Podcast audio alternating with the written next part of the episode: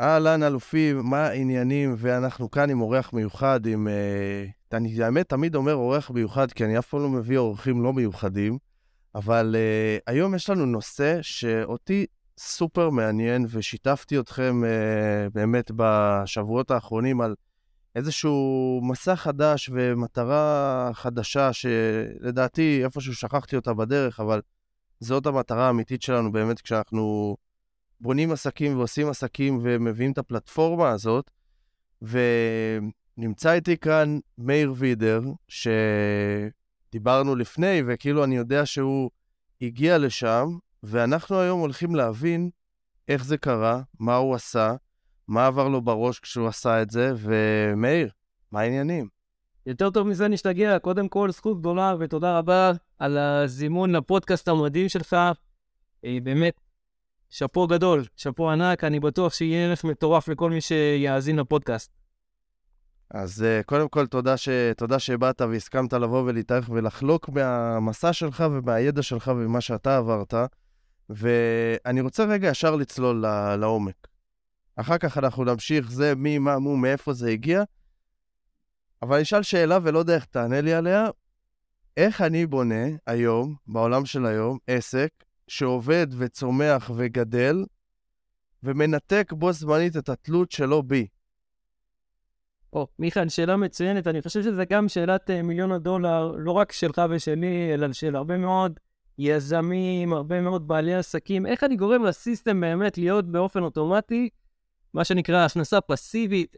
אני לא יכול לקרוא לזה כל כך הכנסה פסיבית, כי בסופו של דבר אתה צריך כן לבנות system, אתה כן צריך לבנות מערכי מכירות, מערכי שיווק, ויש לזה כל כך הרבה ניואנסים וכל כך הרבה מחלקות וכל כך הרבה דגשים שצריך לשים לב אליהם, וגם הבנייה עצמה היא ממש היא בפני עצמה.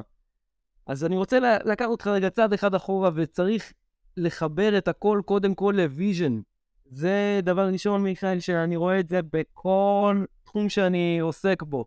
Vision, מה בעצם הראייה שלך בעצם לטווח הארוך, איפה אתה רואה את הדברים הולכים, איפה הם הולכים להיות, אתה צריך לצייר לעצמך בסופו של דבר, לפני שאתה בונה את כל המערכים, לצייר לך בראש, או לשרטט לך, או להעביר את זה לדף, איך שהכי נוח בעבורך, לייצר את זה בצורה כזאת שאתה תראה את הארמון הבנוי.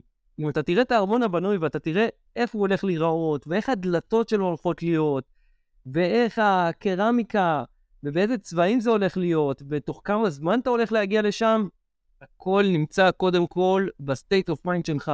אם אתה לוקח את הכלים האלה קודם כל ובונה אותם בצורה נכונה, אין שום סיבה בעולם לא לבנות תשתית נכונה שתעבוד גם לאורך זמן, בדיוק כמו העסקים, גם שלך וגם העסקים שלי. הם עובדים לאורך זמן, וה system הזה הוא ממש ממש חזק, אבל הדבר החשוב ביותר זה ה vision והיסודות.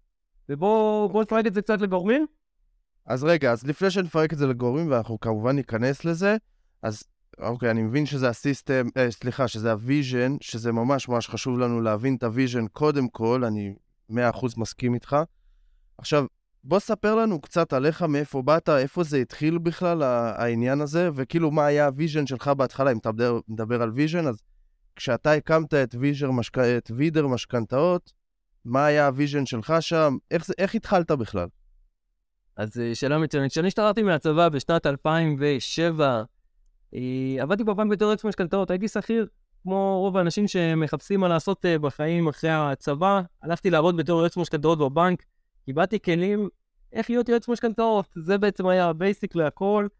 אבל ראיתי צורך מעבר ללהיות יועץ משכנתאות בבנק, ראיתי צורך הרבה יותר חזק אצל נוטלי המשכנתאות בישראל, ואמרתי לעצמי, שמע, חייבים לתת להם פתרון אחר, כי הבנקים, יש להם את, ה, את מה שהם יכולים ומה שהם רוצים מבחינתם ומה, ש, אה, ומה שהם מציעים, אבל יש אלטרנטיבות שיכולות להיות הרבה יותר טובות בעבור מי שנוטל משכנתה, ואמרתי לעצמי, בוא'נה, אנשים היום עובדים מ-8 עד 5, עובדים כמו חמורים, אין להם את הזמן להתעסק עם כל המשכנתה, הם חייבים פתרון אמיתי לכל הבירוקרטיה, לכל המילים המטורפות האלה של טאבו, גרבושקה, לוח שפיצר, כל המושגים הלא מובנים האלה, אנשים חייבים משהו שיגשר על הפער בין מה שהבנקים מציעים לבין מה שהם יכולים באמת לקבל. וראיתי בזה הזדמנות לכל דבר, וגם אה, שליחות, כי בסופו של דבר זה הצלת נפשות, אם אנשים יכולים לשלם דרך הבנק. איקס כסף ואפשר להוזיל להם את זה בעשרות אם לא מאות אלפי שקלים, מדובר באשכרה בהצלת נפשות ובגורם שאנחנו יכולים להשפיע בצורה משמעותית על משק בית בישראל וגם על הילדים של משק הבית.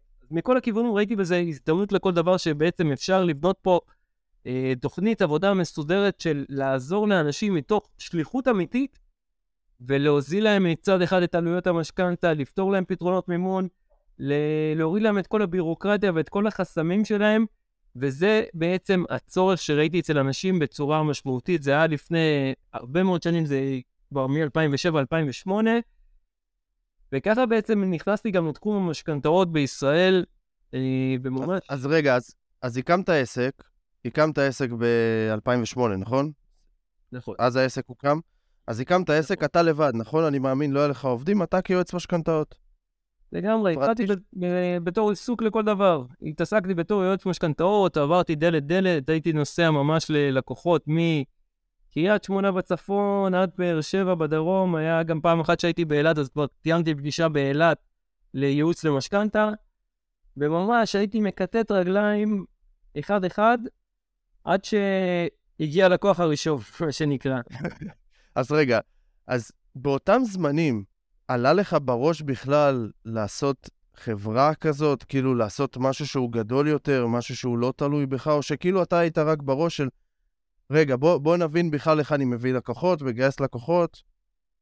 תראה, מסחר לעצמאי, מסחר לעצמאי לא חשבתי ב-state of mind של לבנות סיסטם מסודר ומערכות מסודרות, ולייצר את זה בצורה נכונה, שאני, שהעסק בעצם לא יהיה תלוי בי מהצד הזה. והתחלתי בתור כמו אנשי שיווק, התחלתי בתור one man show, בתור איש אחד שמקצץ רגליים והולך באופן פרסונלי ללקוח ללקוח, ומטפל גם בלקוח באופן, uh, באופן אישי. לא היה מערכות אז, היה, דרך אגב, היינו שולחים בפקסים בזמנו, לא היה אפילו מיילים, הבנקים לא היו מחוברים למיילים בגלל אבטחת מידע, היום כבר הכל uh, עובד בצורה אחרת לגמרי. ומבחינת התהליכים, ממש עבדתי על לקוח לקוח, תהליך תהליך, ולא היה פה איזשהו סיסטם או איזושהי מערכת מסודרת ומשומנת שעובדת מול הלקוחות, מול מתעניינים, מול שירות לקוחות, בשיווק, במכירות, לא היה את כל הסיסטם הזה, הייתי פשוט בן אדם אחד שעובד ומטפל אנשים בתהליך המשכנתה שלהם. וכמה זמן, כמה זמן כאילו השלב הזה בעסק נמשך? זאת אומרת שאתה לבד מגייס את הלקוחות, נותן להם את השירות, עושה את כל זה בעצם לבד. אז בהתחלה, בוא, בוא נגיד שבשלוש-ארבע שנים הראשונות עוד עבדתי ככה לבד, אולי עם עוד בן אדם, עם עוד שניים, ככה, שבאמת אה, התחילו להיות יועצים אצלי, שגם למדו אצלי קורסים לייעוץ משכנתאות, כי אז בזמנו גם התחלתי ללמד אה, באוניברסיטה קורסים ליועצי משכנתאות. וגייסתי משם תלמידים שרצו להיות יועצי משכנתאות, שאני אהיה גם המנטור שלהם ואני אוביל אותם בעצם בתהליך. ומשם בעצם גייסתי גם את היועצים הראשונים, אבל לא היה איזשהו סיסטם מסודר, מערכות מסודרות, הלידים אפילו לא היו רשומים באקסל, ממש בלאגן אחד גדול, בלי סיסטם, בלי שיטה, בלי תודעה, בלי, בלי תהליכים, לא היה שום דבר כתוב, הכל היה ממש פלק פלק וממש לא מסודר, וזה גזל בתקופה הזאת המון המון זמן, וממש... באותה תקופה כבר, ב... סליחה שאני קוטע אותך, אה, באותה תקופה חווית כבר, כאילו, הרווחת מספיק כסף, כאילו? לא, לא הרווחתי מספיק כסף באותה נקודת זמן. אבל, האם, היה לך מספיק זמן? זמן לא היה לי, כי לא, לא היה לי סיסטם ולא היה לי שיטה מסודרת ולא היה לי תהליך uh, מסודר, וכל הזמן רדפתי אחרי הזנב של עצמי, מה שנקרא. שזה אומר בבוקר לרדוף, לרדוף אחרי לקוחות, אחרי זה לרדוף אחרי הבנקים, והנהלת חשבונות, ושיווק, ומכירות, וכל מה שצריך, הכל, הכל, הכל, בלי סדר ובלי ארגון, ובלי KPI, בלי מדידות, בלי שום דבר, והכל היה בבלגן אחד גדול, ממש. אז חבר אותי באמת. חבר אותי איך זה מרגיש, כי אני גם בחברה הקודמת שלי הייתי שם, התחלתי מזה, ואחר כך התחלתי להבין שלעשות רק כאילו מטרה של לעשות הרבה כסף, זה לא שווה הרבה אם אה, אין לך זמן. אז חבר אותי רגע ל... לתחושות של בן אדם שוואלה מרוויח כסף, מרוויח כסף סבבה, אבל אין לו זמן באמת לעשות שום דבר עם הכסף הזה. מה, שהשוטף שוטף לך, אין לך זמן לעשות כלום. אתה רודף אחרי הזנב של עצמך, אתה רודף אחרי הלקוח הזה שבדיוק התקשר אליך ואתה חייב להיות זמן בשבילו כי הוא הפרנסה העיקרית שלך. אתה לא מצליח לשווק, אתה לא מצליח למכור, אתה לא מצליח לפתח עסק, אתה לא מצליח שום דבר. אתה כל היום רודף אחרי כסף ואתה כל היום רודף אחרי הזנב של עצמך. אי אפשר בצורה כזאת של בן אדם פרטי שבא ופותח עסק, יכול לפתח ולהגיע, אבל עד איזושהי תקרה מסוימת, כי מעבר ל- לזמן שיש לך, מי... קמת ב-6 בבוקר, התחלת לעבוד ב-7, עד 8-9 בערב, עבדת 13-14 שעות, כמה אתה כבר יכול? וכמה אתה יכול להספיק גם בנקודה הזאת עם מכירות, ועם תפעול, ועם שיווק, ועם העלת חשבונות, ועם לעשות את הכל בעצמך, הסיכוי שלך להצליח במהלך כזה ולהתפתח ולהגדיל את העסק ולהגדיל את החברה, הוא סיכוי שאני רואה אותו בתור סיכוי אפס, ולכן הרבה מאוד עצמאים שהם אה, עוסק מורשה או עוסק פטור, שמסתכלים על העסק שלהם בתור, אוקיי, זה מה שמספיק בעבורי, ולא רואים את ההתפתחות ולא מנסים להתפתח, זה קשה מאוד לאורך זמן, זה מאתגר מאוד לאורך זמן, כי כל התשתית וכל העסק בנוי על בן אדם אחד. וזה בעצם מקביל מבחינת היכולות של אותו עסק, של אותו ביזנס, גם לפתח אה, דברים נוספים, התפתחות נוספת של החברה עצמה, גם להגדיל את מאגר הלקוחות, גם לעשות את כל הדברים, זה משהו שאני רואה אותו בתור עסק שהוא כמעט בלתי אפשרי. ושוב, מיכאל, יש הרבה עסקים שכן עובדים עדיין בצורה כזאת כבר הרבה מאוד שנים, שהם כן one man show, שהם כן יועצים עסקיים, יועצים לכלכלת המשפחה, יש מיליון עסקים שהם כן עובדים בצורה הזאת. אבל לאור הזמן, הקושי הוא אתגר מאוד מאוד גדול, כי פתאום תחשוב על זה שנכנסו אליך ארבעה-חמישה לקוחות ביום אחד, שרף לך כבר את כל החודש, זה כאילו, אתה צריך עכשיו לתפעל את זה במשך חודש שלם, ואתה לא יכול לעשות עוד שום דבר מעבר לזה. אז uh, ההגבלה פה היא מאוד מאוד משמעותית, גם מבחינת הזמן. תחשוב על הזמן משפחה. אתה רוצה בערב ללכת ולשחק עם הילדים, אתה רוצה להיות עם האישה, אתה רוצה להיות עם המשפחה, ואין לך את הזמן הזה, כי אתה כל היום רודף אחרי הזנב של עצמך. וזה מוביל אותי בעצם לאותה נקודה שדיברנו עליה גם קודם, שבתור עסק קטן, אתה קשה מאוד להתפתח. הכל חייב גם להיות ב-state of mind, אם אתה רוצה גם להתפתח, ואתה נמצא בנקודה הזאת, אתה חייב לעשות מהלכים משמעותיים בשביל לצאת ממרוץ העכברים של 8 עד 5 כל היום ולעבוד כמו חמור. 8 עד 5 זה במקרה הטוב. עכשיו, חבר אותי, חבר אותי לנקודה שבה אתה קבל כאילו, קבל החלטה, או מבין שכאילו ככה אי אפשר להתקדם. מה עובר לך בראש? מה, מה אתה חושב? מה הפעולות שאתה מתחיל לעשות ברגע הזה? מתי זה היה? קודם כל, מבחינת הדברים, לשמחתי, המהלך שקרה אצלי זה שפשוט, קודם כל קיבלתי החלטה שאני רוצה להיות כמו הגדולים. אני לא רוצה להישאר מאחורה ולהיות כמו הקטנים, אני רוצה להיות כמו הגדולים, כמו החברות הגדולות במשק, כמו חברות המובילות במשק. ואמרתי לעצמי, שם אני רוצה להיות, עם כמות של איקס לקוחות ומשרדים ותשתיות מסודרות ותהליכים מסודרים. ובנקודה הזאת שראיתי שאני ממש ממש כבר קורס, כי אני כבר לא יכול, אה, שזה קרה אחרי שלוש או ארבע שנים, קיבלתי החלטה שאני רוצה להיות, שהחברה צריכה להיות גדולה יותר. שמה זה אומר מבחינת גדולה יותר? זה אומר שמבחינת הדברים, שצריך לגייס עוד עובדים, צריך להשקיע יותר בשיווק, צריך נראות הרבה יותר טובה מצד, uh, מצד החברה. הנראות האינטרנטית, היום אנשים כולם מחפשים באינטרנט, גם בזמנו, לפני עשר שנים, אנשים חיפשו באינטרנט, ורואים אותך, לא רואים אותך אחד על אחד כמו שפעם היינו מגיעים לחנות, היינו נפגשים עם עורך דין, היום כבר הכל באינטרנט, החוות דעת באינטרנט, הכל באינטרנט. אתה קורא על הבן אדם ומקבל חוות דעת האם להתקדם עם אותו בן אדם או לא, על סמך מה שאתה רואה ברשתות החברתיות, אם זה אינסטגרם, אם זה פייסבוק, אם זה גוגל, אם זה טיק טוק, כל הרשתות החברתיות, זה היום הכרטיס ביקור של כל בן אדם ושל כל חברה. וקיבלתי החלטה להשקיע יותר בפייסבוק, להשקיע יותר, אז בזמנו לא, לא היה פייסבוק, אבל היה את האתר, האתר שלנו, של וידר משכנתאות. החלטנו אה, להכניס עוד, עוד אה, אנשים לצוות, עוד יועצים שהסיסטם... איזה אנשים? זה, איזה, איזה, מי, מי העובדים הראשונים? מלבד אלה שנתנו את השירות במקומך, או שזה היה הראשונים שלך? הראשונים שנכנסו בעצם לחברה זה יועצי משכנתאות, שהכנסתי אותם בתור יועצי משכנתאות uh, של החברה, והם בעצם התחילו לתת ייעוץ לאנשים שפונים דרך האתר לייעוץ למשכנתה. והם בעצם התחילו לאט-לאט להגיע. ואנשים לא רצו אותך? כן, זה אחד הבעיות הקשות שיש לביזנס, במיוחד ביזנס שמוכר כבר הרבה מאוד שנים והרבה לקוחות כבר עברו דרכנו, שהרבה מאוד גם אנשים רוצים, אה, רוצים את המנכ"ל של החברה, את הבעלים של החברה.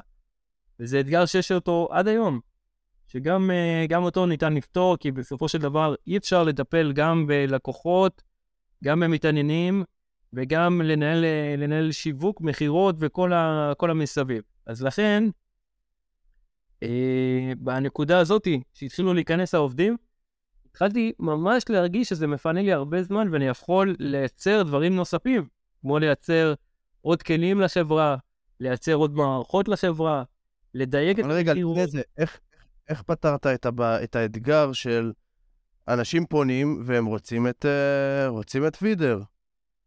רוצים אותך, ואז אתה אומר, לא, יש לי יועץ שלי, או אומרים, או אנשי מכירות אומרים, זה, זה היועץ שלי. אז נכון, בהתחלה זה קצת היה לי קשה לשחרר, כי הרבה מאוד גם אה, בעלי עסקים, ואני שומע את זה גם מיועצים פרטיים, יועצי משכנתאות פרטיים שמדברים איתי ומתייעצים אה, איתי מבחינה עסקית, שאומרים, תשמע, זה ה baby שלי, מה, אני אתן למישהו אה, לטפל בתהליך משכנתה, אני יודע איך לעשות את זה על הצד הטוב ביותר, או אני יודעת לעשות את זה על הצד הטוב ביותר, אין מישהו שיכול להחליף אותי. אה, וגם אצלי הייתה את הבעיה הזאת בתודעה, לפחות בשלב ראשוני, שוואלה, איך אני אתן למישהו לתת, ל... לתת טיפול בתיק משכנתה או בתהליך ליווי של משכנתה, בלי שאני אהיה מעורב. והחלק הראשון זה קודם כל לשחרר את זה. אתה חייב ב state of mind שלך, אתה חייב בתודעה שלך לשחרר את זה. זה היה לי גם מאוד מאוד קשה בשלב הראשוני. מה עזר לך? מה עזר לך? את הלקוח הראשון, ואמרתי, אוקיי, אמרתי ללקוח, תקשיב, זה היועץ ש... שעובד איתי בחברה, הוא יועץ בחברה שלנו, והוא ילווה אותך בכל התהליך, אני אהיה מעורה בכל התהליכים, אני אפקח על הכל, ואני אוודא שאתה מקבל את הטוב ביותר, לא פחות מזה. ולשמחתי, אה, זה הצליח, זה צלח באותה נקודה. ומשם כבר היום אני באופן אישי כבר לא מטפל בתהליכי משכנתה, אלא רק ממנכ"ל את החברה, והתהליכים כבר, לקוחות כבר יודעים שהכל עובד תחת המותג של וידר משכנתאות, אבל מי שמטפל בזה בעצם זה היועצים, יועצי המשכנתאות בחברה, שמטפלים בכל שלב ושלב מבחינת התהליכים. אבל באמת היה קושי מאוד מאוד גדול ואתגר מאוד גדול לשחרר את ה... אצלי, זה דווקא לא היה אצל הלקוחות, לשחרר את התהליכים ולהגיד ללקוחות, וואלה, תקשיבו, מעכשיו מי שמטפל בכם זה היועץ הזה. זה לא אני זה שיטפל בכם באופן ישיר, אלא היועץ הזה יטפל בכם מבחינת התהליכים. וברגע שהתהליך הזה ישתחרר בשלב ראשוני, כבר היה הרבה יותר קל להעביר את זה גם ללקוח השני, גם ללקוח השלישי, היה הרבה יותר קל מבחינת התהליכים. עכשיו, איזה, איזה בעיות זה יצר? בעצם זה שהעברת את תהליך ייעוץ המשכנתה, שזה לב-ליבו של השירות שלך, איזה בעיות זה יצר, הדבר הזה? אני חושב שזה יצר קודם כל חוסר סדר, כי בשל... בשלב הראשוני שלא היה סיסטם מסודר ולא היה בקרה, פיקוח ובקרה, אז הרבה מאוד לקוחות הלכו לאיבוד, הרבה מאוד מתעניינים הלכו לאיבוד. אה, לקוחות, לא היה שם סדר מבחינת הדברים, לא ידענו KPI, לא היה לנו סדר מבחינת מדידות של דברים, לא היה גם SOP לחברה. היה תיאום, כאילו, יועץ אחד עשה בדיוק את אותו תהליך כמו יועץ אחר, או שכאילו היה שוני וכל יועץ עשה תהליך קצת שונה? היה שוני מטורף בשפה אחרת לגמרי, שכל אחד דיבר פשוט בשפה שלו. לא היה תיאום בין יועץ א' ליועץ ב', ליועץ ג', ליועץ ד', וזה בעצם היווה פער מאוד מאוד משמעותי, שהיה צריך כיבוי שרפות, מה שנקרא, להדביק בעצם את הפערים ולהתחיל להבין שזה נקודה הבאה של צמיחה בעסק, להתחיל להבין שכולם חייבים קודם כל לדבר באותה שפה. אם מישהו מדבר בשפה שונה בתוך העסק, בתוך החברה, ממה שהמנכ"ל מדבר, או ממה שהוויז'ן של החברה, העסק לא יכול לצמוח והעסק לא יכול לעבוד בצורה כזאת אם כל אחד מדבר וכל אחד עובד גם במערכות שלו, בשפה שלו, בדרך שלו. זה לא יכול לעבוד. ואם כולם מדברים באותה שפה, והתחלנו לאט לאט גם להכניס תסריטי שיחה, שזה היה שלב ראשוני. כולם מדברים באותה שפה, כול, כולם עושים את אותה הצגה עצמית, כולם מדברים באותה שפה, באותה, אה, באותו הטון, ומובילים את הלקוח עם אותן שאלות, וזה התהליך הראשוני ש, שנבנה בעצם בתוך העסק, בתוך הסיסטם, שהעביר את הלקוח מסע לקוח, ממש נהיה כבר מסע לקוח לכל דבר. הוא נכנס בשלב ראשוני, אין מצב שלא מתחילים בהצגה עצמית. אין מצב שלא שואלים אותו 1, 2, 3, 4, 4 שאלות uh, בסיסיות. Uh, זה התהליכים הראשונים שבעצם קרו בעסק, בשלב הראשוני, וזה אחד הכלים המשמעותיים שעזרו לחברה בעצם לעבור משלב של חוסר תקשורת בין החברה עצמה לבין הלקוחות, לבין המתעניינים והלקוחות, וזה מה שעשה גם סדר, שכל החברה תדבר באותה שפה, וזה גרם בעצם לחברה להתפתח בצורה משמעותית בזכות זה שכולם גם דיברו באותה שפה, כי בהתחלה היה כאוס מטורף שהיה צריך פשוט תהליך של כיבוי שרפות, לעשות סדר מבחינת כל התהליכים. אוקיי, okay, אז זה, זה מבחינת המכירות, אבל מבחינת תהליך ה- הייעוץ, כי הרי כל יועץ משכנתה יש לו את הקשרים שלו עם, ה- עם הפקידים בבנקים האלה, וכל אחד יש לו את ה... אתה יודע, את, ה- את השוני שלו. עכשיו, איך זה בא לידי ביטוי ברמת השירות, לא ברמת המכירה? זאת אומרת, השוני כן. בשפה, כל אחד עובד בתהליך קצת שונה. אז גם ברמת התהליכי תפעול, אני קורא לזה מול הבנקים, התהליכים של העבודה מול הבנקים, להגיש להם את הבקשה, גם שם היה כאוס מטורף, כל אחד הגיש איך שהוא רוצה, והכל היה פשוט סלט אחד גדול, מערב פרוע מה שנקרא, ממש מערב פרוע, כל אחד הלך לכיוון שלו ועשה את זה לפי ה vision שלו, שזה בסדר, אבל עדיין זה לא היה לפי ה vision של החברה. ובנקודה הזאת אמרתי, רגע, צריך לעשות פה סטופ.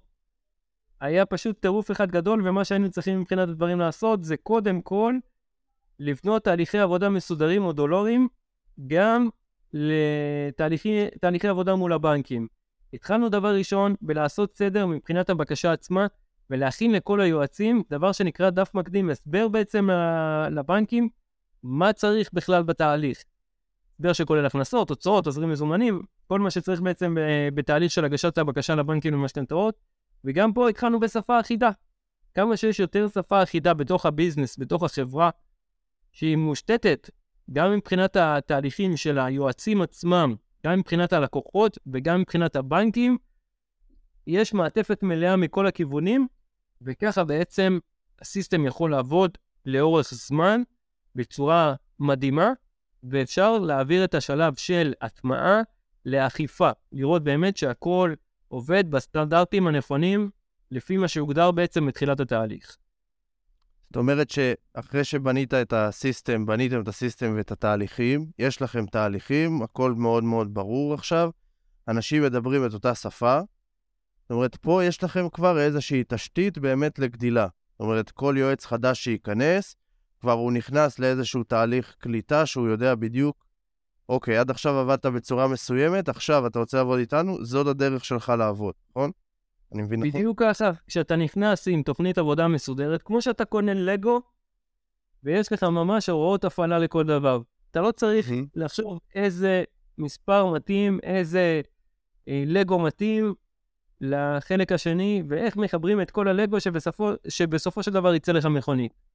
גם פה, ברגע שיש לך ספר מסודר, תוכנית עבודה מסודרת של מה שאתה צריך לעשות בשביל מה שאנחנו רוצים שיקרה, תוכנית עבודה שכוללת נהלי עבודה, שכוללת תסריט שיחה, שכוללת יעדים, שכוללת כל הסדר הארגוני, וכוללת את התהליך תפעול בסופו של דבר, ותוכנית עבודה גם לצמיחה, הכל פשוט יכול לעבוד על ידי שליטה ובקרה, ולא על ידי כיבוי שרפות כמו, ש... כמו שהיה לי לפני מספר שנים טובות, כשהתחלתי בעצם את העסק. ומי עושה את הבקרה? שאלה מצוינת. גם הבקרה כבר היום היא מבוצעת באופן כמעט אוטומטי לגמרי. יש לנו מדי יום, יש לנו כמות שיחות, יש כמות פגישות, יש יעדים יומיים.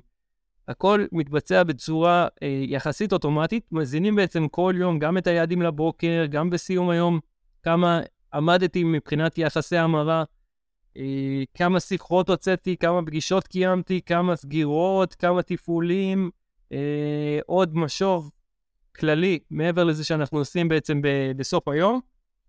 ואז יש לנו בקרה לגבי התהליכים, וכולם יודעים בדיוק מה צריך לעשות בכל נקודה ובכל שלב ושלב, בשביל שהדברים יצלחו בצורה נכונה. אז היום הכל כבר נמצא תחת פיקוח ובקרה. זאת אומרת שיש אה, יש איזשהו סיסטם שגם הולך ומשתפר, אני מאמין, כל הזמן. ועכשיו, מתי השלב שהגעת אליו, שהבנת שאתה, אוקיי, אני חייב גם לא רק אנשים, אלא אני חייב גם טכנולוגיה ואוטומציה? אז הטכנולוגיה והאוטומציה התחילה כבר בפני עצמה, כשהתחלנו להכניס מערכת CRM והטמנו אותה לפני עשור בערך, שהכנסנו את המערכת הראשונה שלנו האיכותית, אה, שכוללת מערכת לניהול לקוחות, מערכת לניהול מתעניינים. ומשם כבר יכולנו לראות ולזהות כמה מתעניינים יש לנו, מה כמות המתעניינים, מה כמות השיחות, מה כמות הפגישות, כמה כל יועץ ויועץ יכול מבחינת capacity, כמה אנשים אה, נמצאים ב hold, לקוחות שפספסנו אותם, מתעניינים שלא חזרנו אליהם.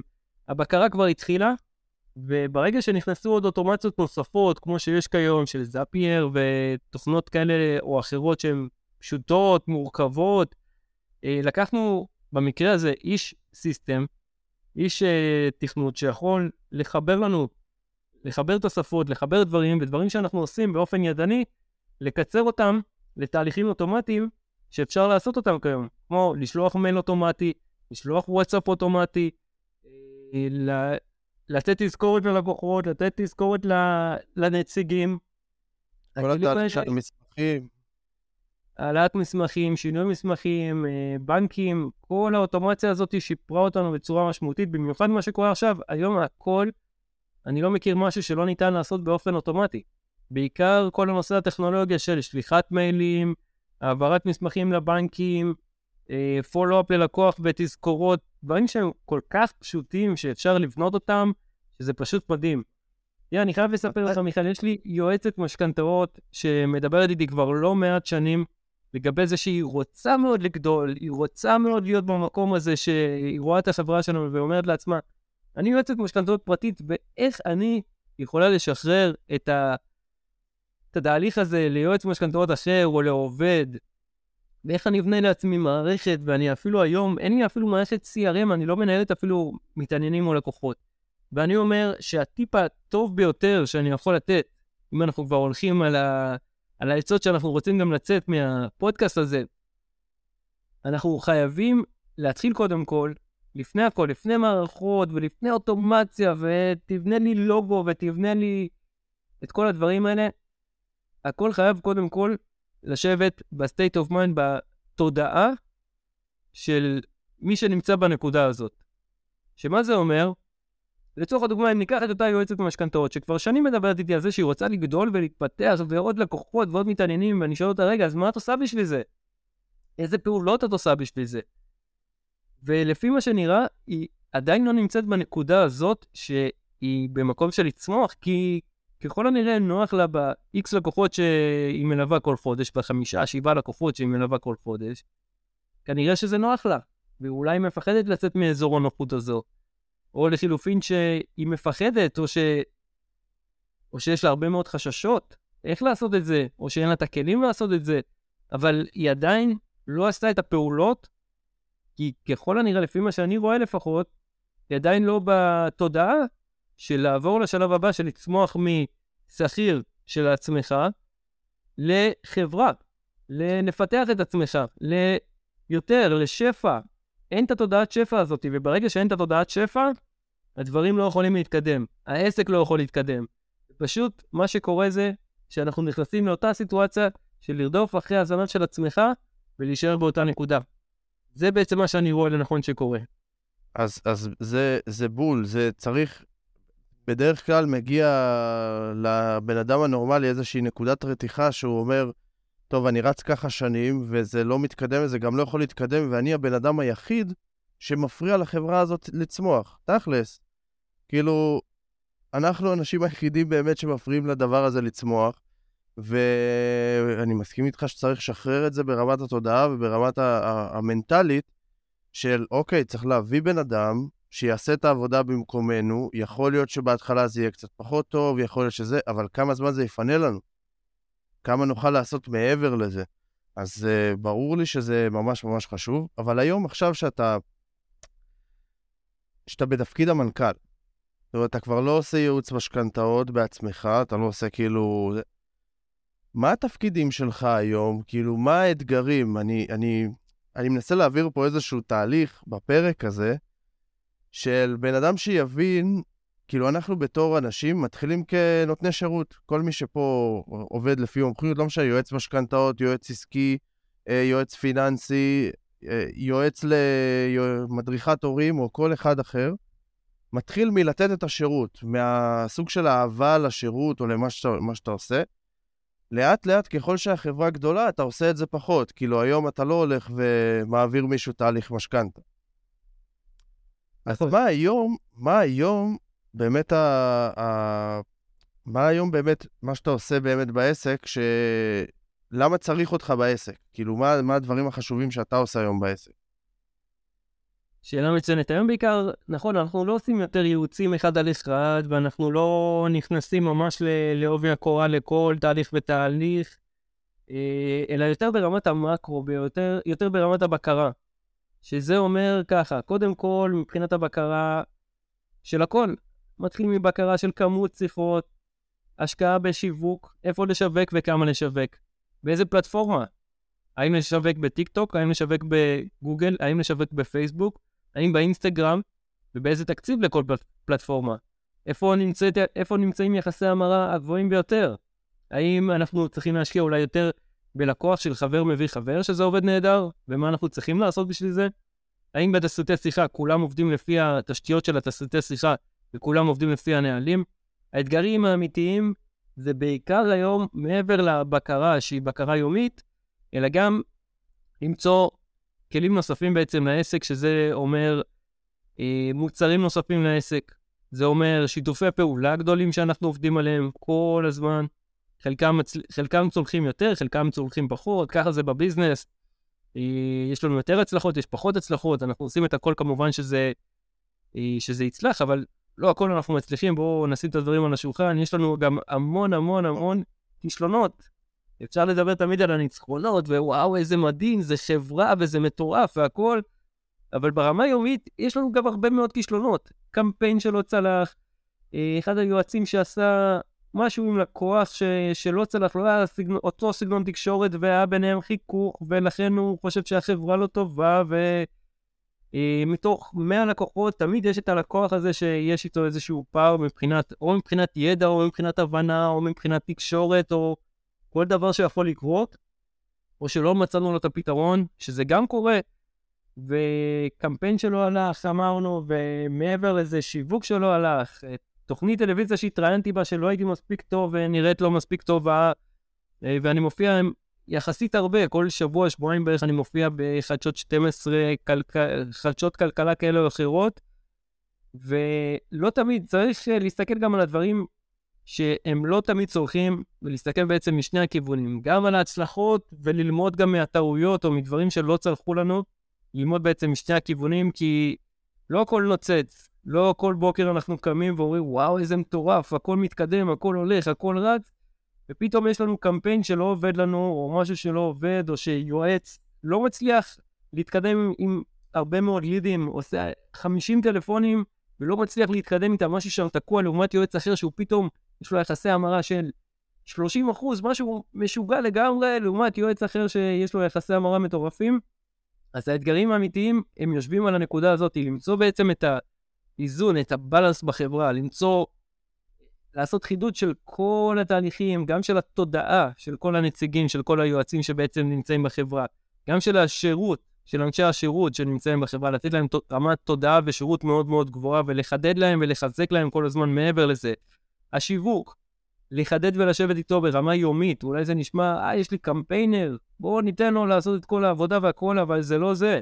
הם יועצים לכל דבר, הם חלק מהביזנס והם עוד זרוע שהיא, חייבת להיות וחייבת להיטמע וחייבת להיות גם אה, מדידה. אם הקמפיין שלנו לא מדיד, מה הוא שווה? איך אתה יודע אם הוצאת אלף שקל או אלפיים שקל על קמפיין, אם הוא עבד או לא עבד? מה, על סמך זה שהתקשר אליך בן אדם אחד וסגרת? איך אתה יודע אם הוא הגיע מהקמפיין או לא? ומאיזה קמפיין הוא הגיע? הוא הגיע מקמפיין גוגל? הגיע מקמפיין פייסבוק? הגיע בכלל מהמלצה? ראה אותך בהמלצה ואחרי זה ראה אותך בפייסבוק. עכשיו, מעניין אותי לדעת מה אתה היית ממליץ לאותו בעל עסק היום, one man show, שהוא עוד לא מלא בלקוחות. זאת אומרת, יש לו עוד capacity, והוא יכול לגייס עוד לקוחות, וזה מה שהוא מנסה לעשות היום, לגייס עוד לקוחות, לשווק עוד, לא משנה, אורגני, ממומן, לא משנה איך, אבל הוא עובד לבד, וכל מה שהוא מנסה זה להביא עוד לקוחות. מה היית באמת ממליץ לו? האם כבר מעכשיו הוא צריך להתחיל לחשוב על איך אני בונה את הסיסטם, איך אני בונה את זה ואיך אני מביא אנשים? או באמת, מה, מה לדעתך, אם היית חוזר אחורה לווידר של ההתחלה, מה היית מייעץ לו? אז אם הייתי מסתכל על מאיר וידר, או כל מי שאני רואה אותו בתחילת דרכו, הייתי מייעץ דבר כזה, קודם כל לא משנה באיזה סיטואציה אתה נמצא, וכמה לקוחות יש לך או כמה מתעניינים, אם יש לך אפס או שאתה ב full booking, תבנה תשתיות, וכמה שיותר. מה זה אומר? קודם כל תנהל את המתעניינים, תנהל את הלקוחות, תנהל את כל הדברים בצורה מסודרת, עם CRM מסודר. למה אתה עובד ככה פלק פלק, בלי תשתית, בלי כלום, בלי לתעד את המתעניינים שלך, בלי לתעד את הלקוחות, לעבוד ככה לאוויר, זה לא תורם לשום דבר, וזה לא יכול לקדם אותך, וזה לא יקדם אותך בחיים. אין שום סיכוי בעולם שאתה תתקדם צעד אחד קדימה, אתה כל היום תרדוף אחרי הזנב של עצמך. תתחיל קודם כל בלתעד את הכל ולהתחיל למדוד את עצמך. עזוב רגע אחרים. תמדוד קודם כל את עצמך. כמה שיחות נכנסו לי, גם אם כולם מפה לאוזן. נגיד שקיבלת את כל הלידים מפה לאוזן. כמה מתוכם סגרת? בוא נראה, קיבלתי 50 לידים החודש, כמה סגרתי מתוכם? עשרה סגרתי. מעולה. יופי, כבר התחלה טובה, אנחנו כבר יודעים מה יחסי המרה בין כמה מתעניינים יש לכמה סגירות. בואו נתחיל לפרק את זה מעבר לזה. כמה מתוך החמישים קיימתי איתם פגישה? האם מתוכם 25 אחוזים, האם מתוכם 25 שזה 50 אחוז, קיימתי מתוכם פגישה, שזה נהדר, ואז מתוך זה כמה הימרתי. ואז יש לך עוד מדד נוסף שאתה יכול למדוד אותו בשלב ראשוני. קודם כל תמדוד את עצמך. עזוב רגע יועצים ונציגים וכל המסביב. מעבר לזה, לבנות תשתית מסודרת של נראות בפייסבוק, גוגל ובכל הרשתות. אם אתה רוצה להצליח לאורך זמן, אתה חייב תיעוד של הכל, והמקום היחיד שהיום רואים אותך, כי אף אחד לא נפגש ואף אחד לא מגיע אליך, יגיעו אליך בסופו של דבר, אבל יסתכלו מכל הכיוונים על כל ההמלצות ועל כל, ה... כל מה שיש לך. תיעוד של לקוחות מרוצים, של לקוחות שכבר עברו תהליך. תיעוד של התהליך. להשקיע בסרטונים. אנשים היום לא משקיעים בסרטונים, איך יכול להיות מצב כזה שהיחסי המרה הגבוהים ביותר נמצאים בסרטונים ואנשים לא משקיעים כסף בסרטונים. אפילו אל תלך לצלם מקצועי, אין לך כסף, אל תלך לצלם מקצועי. צלם את עצמך במצלמה שלך, תעלה איזשהו תוכן איכותי. איך יראו אותך, איך העולם ייחשף אליך, בלי שתתעד את עצמך ומראה לעולם מה אתה יכול לעשות בעבורו ומה השוני שלך. קחו אותך בתור עוד יועץ, קחו אותך בתור עוד בן אדם. אם תבדל את עצמך ותמצא את הייחודיות שלך, את היוניק שלך, אתה כבר בפלנטה אחרת לגמרי. וזה הטיפ הגדול ביותר שאני יכול לתת לאנשים. תתחילו כל הזמן, תתחילו כבר מעכשיו, לא ממחר. אפילו שהעסק עובד, העסק לא עובד, לא משנה מה, באיזה מצב העסק נמצא, תתחילו קודם כל בלבנות תשתיות. תשתיות יכולות להיות basic של CRM, של אתר טוב, של פייסבוק. למתג את עצמך כבר בתור מה שאתה רוצה שיקרה. אתה יכול לקרוא לזה, אני יכול לקרוא לחברה מאיר וידר, אני יכול לקרוא לחברה וידר משכנתאות, כי אני חושב שזה יכול להיות הרבה יותר גדול ממאיר וידר, ואני יכול למצוא לזה גם שם אחר, אה, כמו פלטינום משכנתאות, או איזשהו שם מפוצץ כזה, שזה גם שם של חברה. זו שאלה איפה אני גם ממתג את עצמי ואיפה אני שם את עצמי. כי אם עדיין התודעה שלי היא מאיר וידר, אז כולם יפנו למאיר וידר, אבל אם התודעה היא תודעה אחרת ואני רוצה כן לגדול, אז לקרוא לחברה בשמה. זאת החברה. ומפה זה כבר מתחיל. ואז להתחיל לבנות מערכים של כל דבר ודבר שאתם רוצים שיקרה בעסק. תעשי את השיחה. מה עם הספר נהלים? מה עם ה... ספר נהלים? כבר משנה אם אתה עובד לבד, אם, אם אתה עובד לבד, אתה רושם ספר נהלים?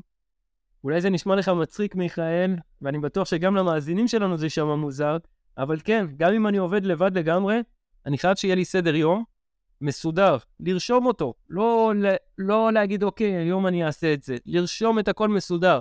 סדר יום מה אני הולך לעשות היום. תסריט שיחה, מה אני הולך לדבר עם הלקוחות. אפילו שאני one man show, אני עדיין אעשה את הסדרי עבודה האלה ונהלי עבודה של כל פעולה. ברמה הכי בסיסית שיש, מתי לשלוח מייל, למי לשלוח מייל, מתי לפגוש את מי, מתי להעלות סרטון לפייסבוק, מתי להעלות תוכן, מתי להעלות פוסט, מתי להעלות uh, סטורי, הכל הכל הכל חייב להיות מדיד, רשום ומסודר. גם אם אתה עובד לבד, גם אם אתה עם, עובד עם עוד אנשים, גם אם יש לך מנהל שיווק, גם אם יש לך copywriter, לא משנה מה יש לך, תתחיל קודם כל שיהיה לך נהלי עבודה מסודרים. אם אין לך נהלי עבודה מסודרים, אתה לא יכול לגדול, אתה לא יכול לצמוח. כי זה בעצם הספר נהלים של העבודה שלך, זה הספר בייסיק של כל הפעילות שלך. ומשם אתה תצליח לצמוח בגדול כשיהיה לך נהלי עבודה מסודרים ותוכנית עבודה מסודרת גם לניהול וגם לצמיחה. אז אתה מדבר על, uh, על סדר, ואני מדבר על זה המון, ויש אנשים פשוט שהם פחות כאלה. הם יותר יצירתיים, יותר עובדים, כאילו זה חוסם אותם בזה. איך באמת הם יכולים כי אני יודע פשוט, אני מכיר, אני עובד עם האנשים האלה שהם לא, לא עושים סדר. לא עושים סדר כי זה לא מספיק דחוף, כמו להביא עכשיו, לעשות עוד קמפיין שיווקי, או לכתוב עוד פוסט, או לעשות עוד מכירה. זה לא מספיק דחוף לכתוב נהלים, זה לא מספיק דחוף לכתוב system. אז איך אנחנו יכולים להעביר פה מסר שזה יכול להיות הרבה יותר דחוף? כי אנשים, לפחות שאני מכיר ובסביבה או בתחילת הדרך, הדבר הראשון שעומד להם בראש זה איך אני עושה מכירות, איך אני מביא לקוחות.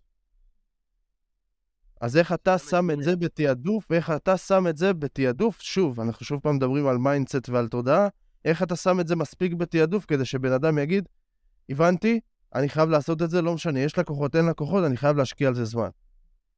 אז תראה, אם אתה לא תעשה את זה, קודם כל זה לא יקרה. בוא נתחיל בזה. אם בן אדם פרטי שעובד היום על המערכת שלו, ולא משנה אם זה דולה, וזה לא משנה אם אה, יועצת אה, נומרולוגית או יועץ לכלכלת המשפחה, או משווק, או לא משנה באיזה תחום אנחנו עוסקים, חייב, חייב לטפל בזה. אחרת, לא רק שאנחנו נלך, נשאר במקום, אנחנו גם נלך אחורה.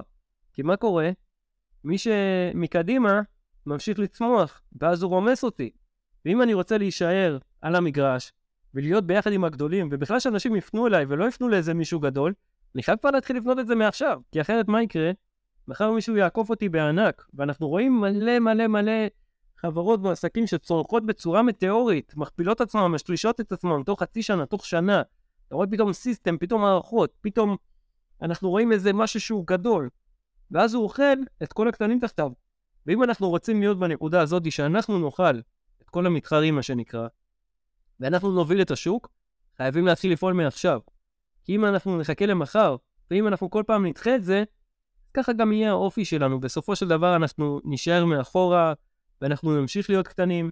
אבל אם אנחנו נתחיל לפעול ונתחיל לעשות פעולות, ולבנות לזה גם מערך מסודר של מה אני רוצה שיקרה בסוף התהליך ומה אני רוצה שיקרה בסוף, ולהתחיל לגזור מזה את כל הכלים, וממש כל יום לעשות איזושהי פעולה אפילו קטנה, אתה לא חייב לשבת כל היום ו... להתחיל לשווק את עצמך או למכור כל היום. אפשר לבנות לזה סיסטם קטן, מערכת ייחודית. בוא עד סוף החודש, אני רוצה שיהיה לי CRM מסודר. בוא ניקח אה, איזה מערכות נכונות, אפילו להתייעץ, היום אנשים מתייעצים על הכל, תתייעצו עם אנשים שכבר עשו את זה. זה יחסוך לכם ויוביל אתכם בדרך בצורה הרבה יותר קלה. מספיק לשאול אנשים איזה מערכת CRM נכונה ומותאמת למתעניינים, איזה מערכת נכונה לתפעול, וכבר שמה זה כבר יכול להשתית את זה בצורה נכונה. מעבר לזה, כמו ביום, לבנות איזשהו כלי שאני רוצה איתו לפתח את העסק, לפתח את החיים שלי. ברמה האישית, אצלי זה רשום בצורה מסודרת מדי יום, מה היעדים שלי להיום ברמה העסקית, ברמה האישית וברמה המשפחתית. כל היעדים האלה רשומים מדי יום, וכמובן יש את ה vision השנתי והחודשי, שזה נגזרת בעצם של כל מה שקורה. מדהים. אז אם אני אסכם פה משהו, ונראה לי אני יכול לסכם את כל מה שדיברנו פה ל... לכמה מילים, שאולי יסדרו ויעשו סדר פה, זה לא משנה כמה אתה עסק קטן או בתחילת הדרך או מה, אתה צריך לחשוב באמת על ה vision הסופי שלך ולהתנהל כמו חברה גדולה. להבין שחברה גדולה אין... כאילו, להבין שחברה גדולה, אין מצב שחברה גדולה מתנהלת בצורה של אני לא אנהל את הלידים שלי, או לא יהיה לי באמת סיסטמים ודברים סיסטמטיים, לא יהיה לי נהלים, כי ברור לנו שחברה גדולה לא יכולה לעבוד בלי זה. כאילו, זה, זה אפילו לא אופציה. אתה לא יכול לעבוד היום בלי אוטומציות עם חברה שיש לך 20, 30, 50, 100 אלף עובדים. זה לא אפשרי פשוט. אתה חייב את זה. קוקה קולה, אתה חייב לחשוב בדיוק כמו קוקה קולה ובדיוק כמו החברות הגדולות. גם אם אתה בן אדם לבד, תחשוב תמיד כמו החברות הגדולות. אם יהיה לך את הכלים האלה, אתה תגיע לשם. אבל אתה צריך לבנות את זה לאט-לאט ולהיות בתודעה מאוד מאוד חזקה. אם אתה לא תתחיל לבנות את זה מעכשיו, ייקח לך הרבה מאוד שנים ואתה תמשיך להיות באותה נקודה שאתה נמצא בה כיום ואתה לא תתפתח, אתם לא תתפתחו. תישארו בנקודה הזאת ואפילו אתם יכולים ללכת אחורה, כי אם אתם לא מתקדמים עם הטכנולוגיה ואתם לא מתקדמים עם הסיסטם ואתם לא מתקדמים עם החברה ואתם לא מפתחים את החברה, מה שקורה זה שהכל הולך אחורה, ואז החברה לא מתפתחת, העסק לא מתפתח, והכל נשאר מאחור. מדהים. אז uh, מאיר וידר היקר, קודם כל אני רוצה להגיד לך תודה רבה על הזמן שלך. תודה רבה שבאת וחלקת איתנו מה, מהידע, מהדרך שלך, ממה שאתה עברת, ההמלצות שלך. ממש שמחתי לארח אותך כאן. ו... נגיד ככה, אם רוצים משכנתאות, אז חפש uh, וידר משכנתאות, כן? לגמרי, תודה רבה לך, מיכאל, על ההזמנה לפודקאסט המדהים שלך, ואני מקווה שכל אחד ייקח מזה לפחות שניים, שלושה כלים להתפתחות, בין, בין אם זה התפתחות אישית, בין אם זה מוטיבציה להמשך, אה, לקהל לקוחות חדש, למתעניינים חדשים, או בין אם זה ההישג, מבחינתי, שיהיה ההישג הכי מדהים, שיבוא מישהו ויגיד, שמע, וואו, שמעתי את הפודקאסט הזה, החלטתי להרים את העסק שבע צעדים קדימה, אני הולך על זה בפול פאוור, ויאללה מכבי. מי שלא אוהד מכבי, טוב, אני לא אכנס לזה. גם הפועל זה בסדר, לא משנה, זאת עיקר הכוונה. טוב, מאיר, תודה רבה לך, ויאללה, אנחנו נתראה בשבוע הבא, חבר'ה.